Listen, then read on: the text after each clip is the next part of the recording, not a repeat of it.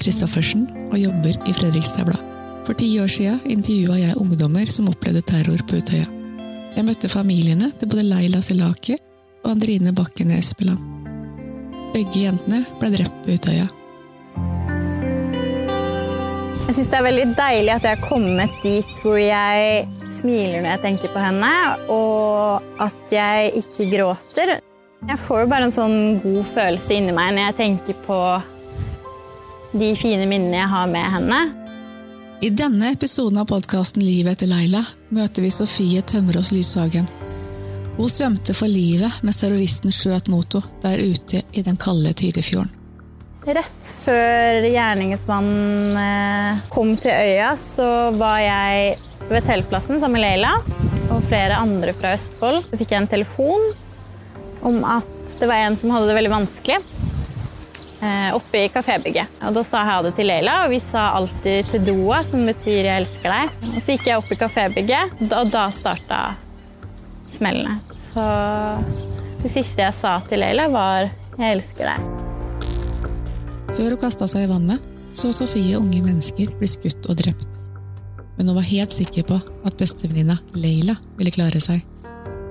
Jeg så jo flere bli drept selv, og jeg hørte hvor mange skudd det var, men jeg tenkte hele tiden at er det en jeg er sikker på at overlever, så er det Leila. For hun, hun tror jeg holder hodet kaldt eh, og finner seg et gjemmested. Så jeg var veldig sikker på at hun hadde overlevd. Men samtidig så var det jo ingen gode gjemmesteder på øya, og Leila var veldig på feil sted til feil tid. Hun gikk jo rett mot han og var en av de første som ble drept. I Tyrifjorden ble Sofie plukka opp av en båt. Iskald og livredd. Hun hadde sett ting et menneske ikke skal se.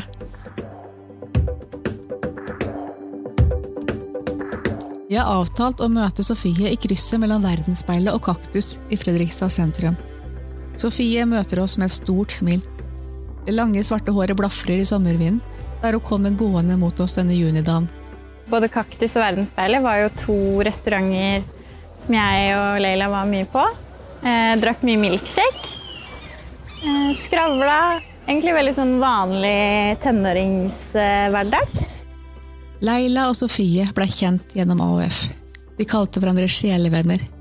Altså, jeg har ikke møtt noen som forstår meg på den måten hun gjorde, og som eh, alt bare føltes så rett med, da. Det var, det var på en måte veldig ment at vi skulle være venner, føltes det som. Leila og Sofie skulle flytte sammen til Oslo etter videregående. De skulle følge hverandre gjennom alle faser av voksenlivet. Plutselig sto Sofie alene. Minnestuen var den aller siste sjansen Sofie hadde til å holde en tale for bestevenninna. Kjære, kjære Leila.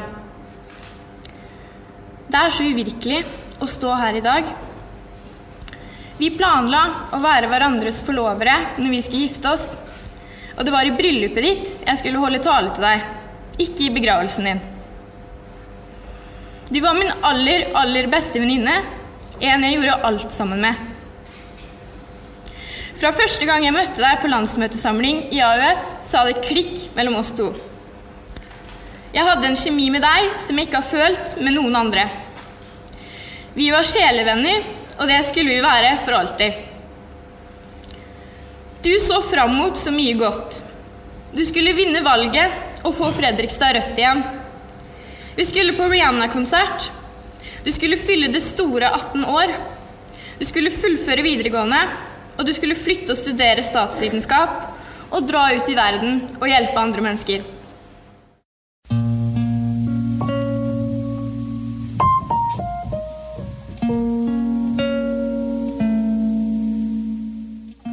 Rett etter minnestunden fylte Sofie 18 år. Hun skulle begynne i tredje klasse på St. Olav.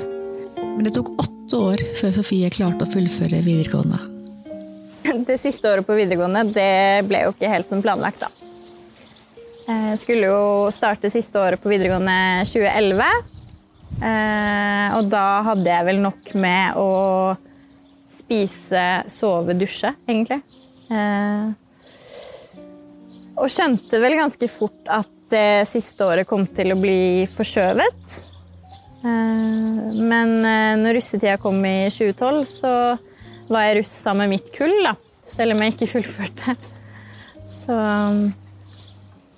Men eh, videregående, det ble jeg ferdig med i 2019. Jeg tok fag som privatist mens jeg hadde deltidsjobb og jobba som lokalpolitiker. Og så begynte jeg på høyskolen i 2019. Og høsten 2019 så var det var vel da jeg følte at jeg var helt tilbake til normalen igjen. Det er vel kanskje to personer som stikker seg frem. Det er jo mamma, som eh, har holdt meg oppe i ti år. eh, og så er det Ja, det er mamma og Roar, som var min psykolog i nesten åtte år.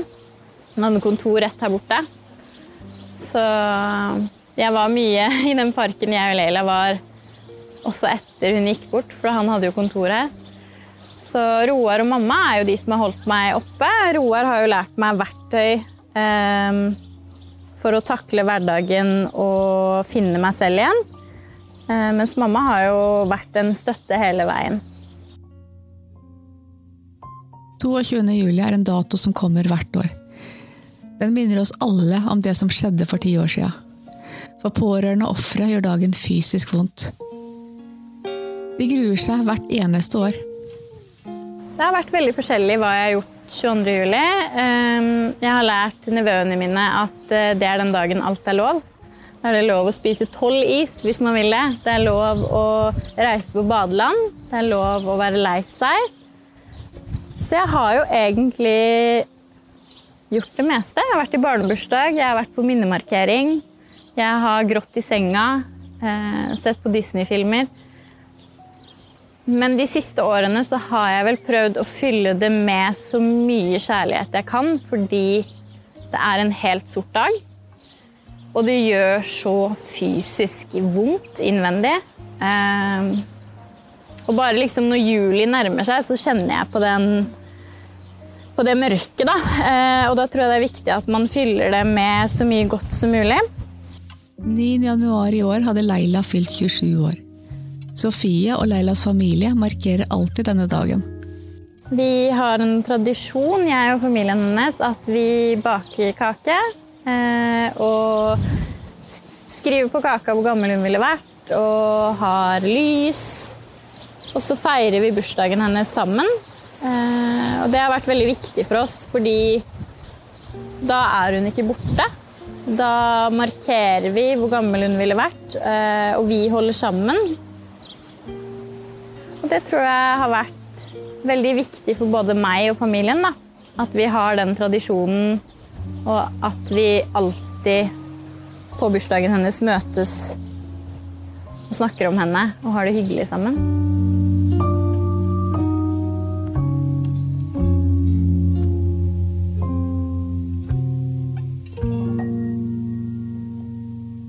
Og så var det veldig vanskelig eh, det å finne gleden eh, etter, eh, etter terrorangrepet. Og,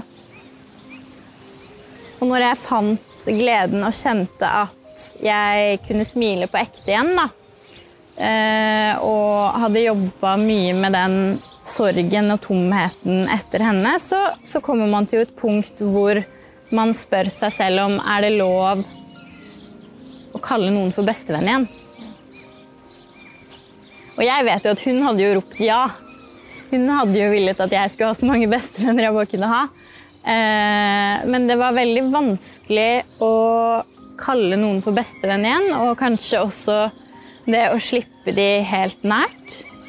For det var jo hennes rolle. Det var hennes plass, og jeg vil jo ikke at noen skal ta hennes plass.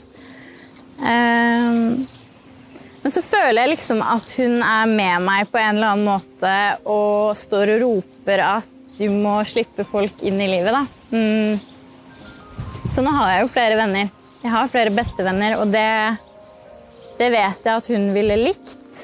Eh, og det som også er veldig fint, er jo at mine nye bestevenner eh, vet hvem Leila er.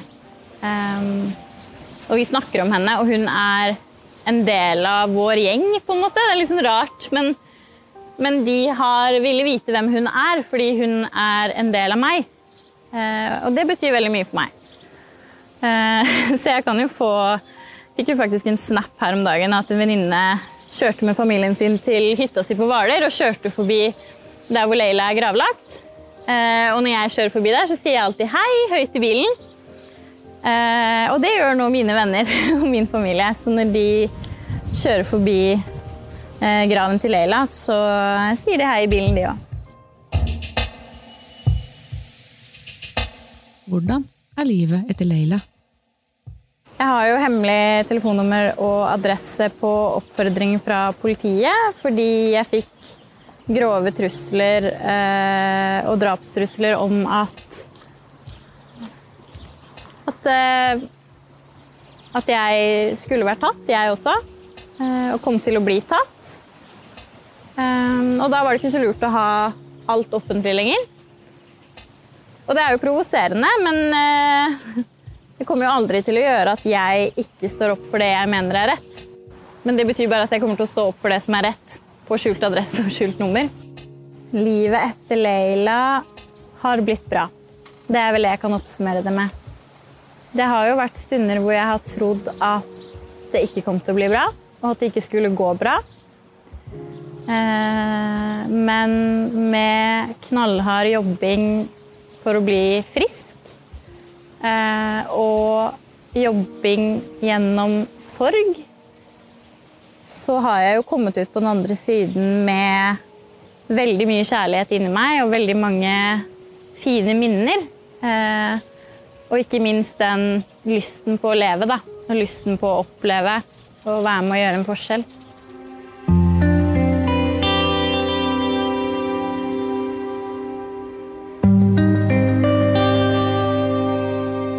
Podkasten er produsert av Erik Øysæd og meg, Randi Christoffersen. Musikk er fra Epidemic Sound.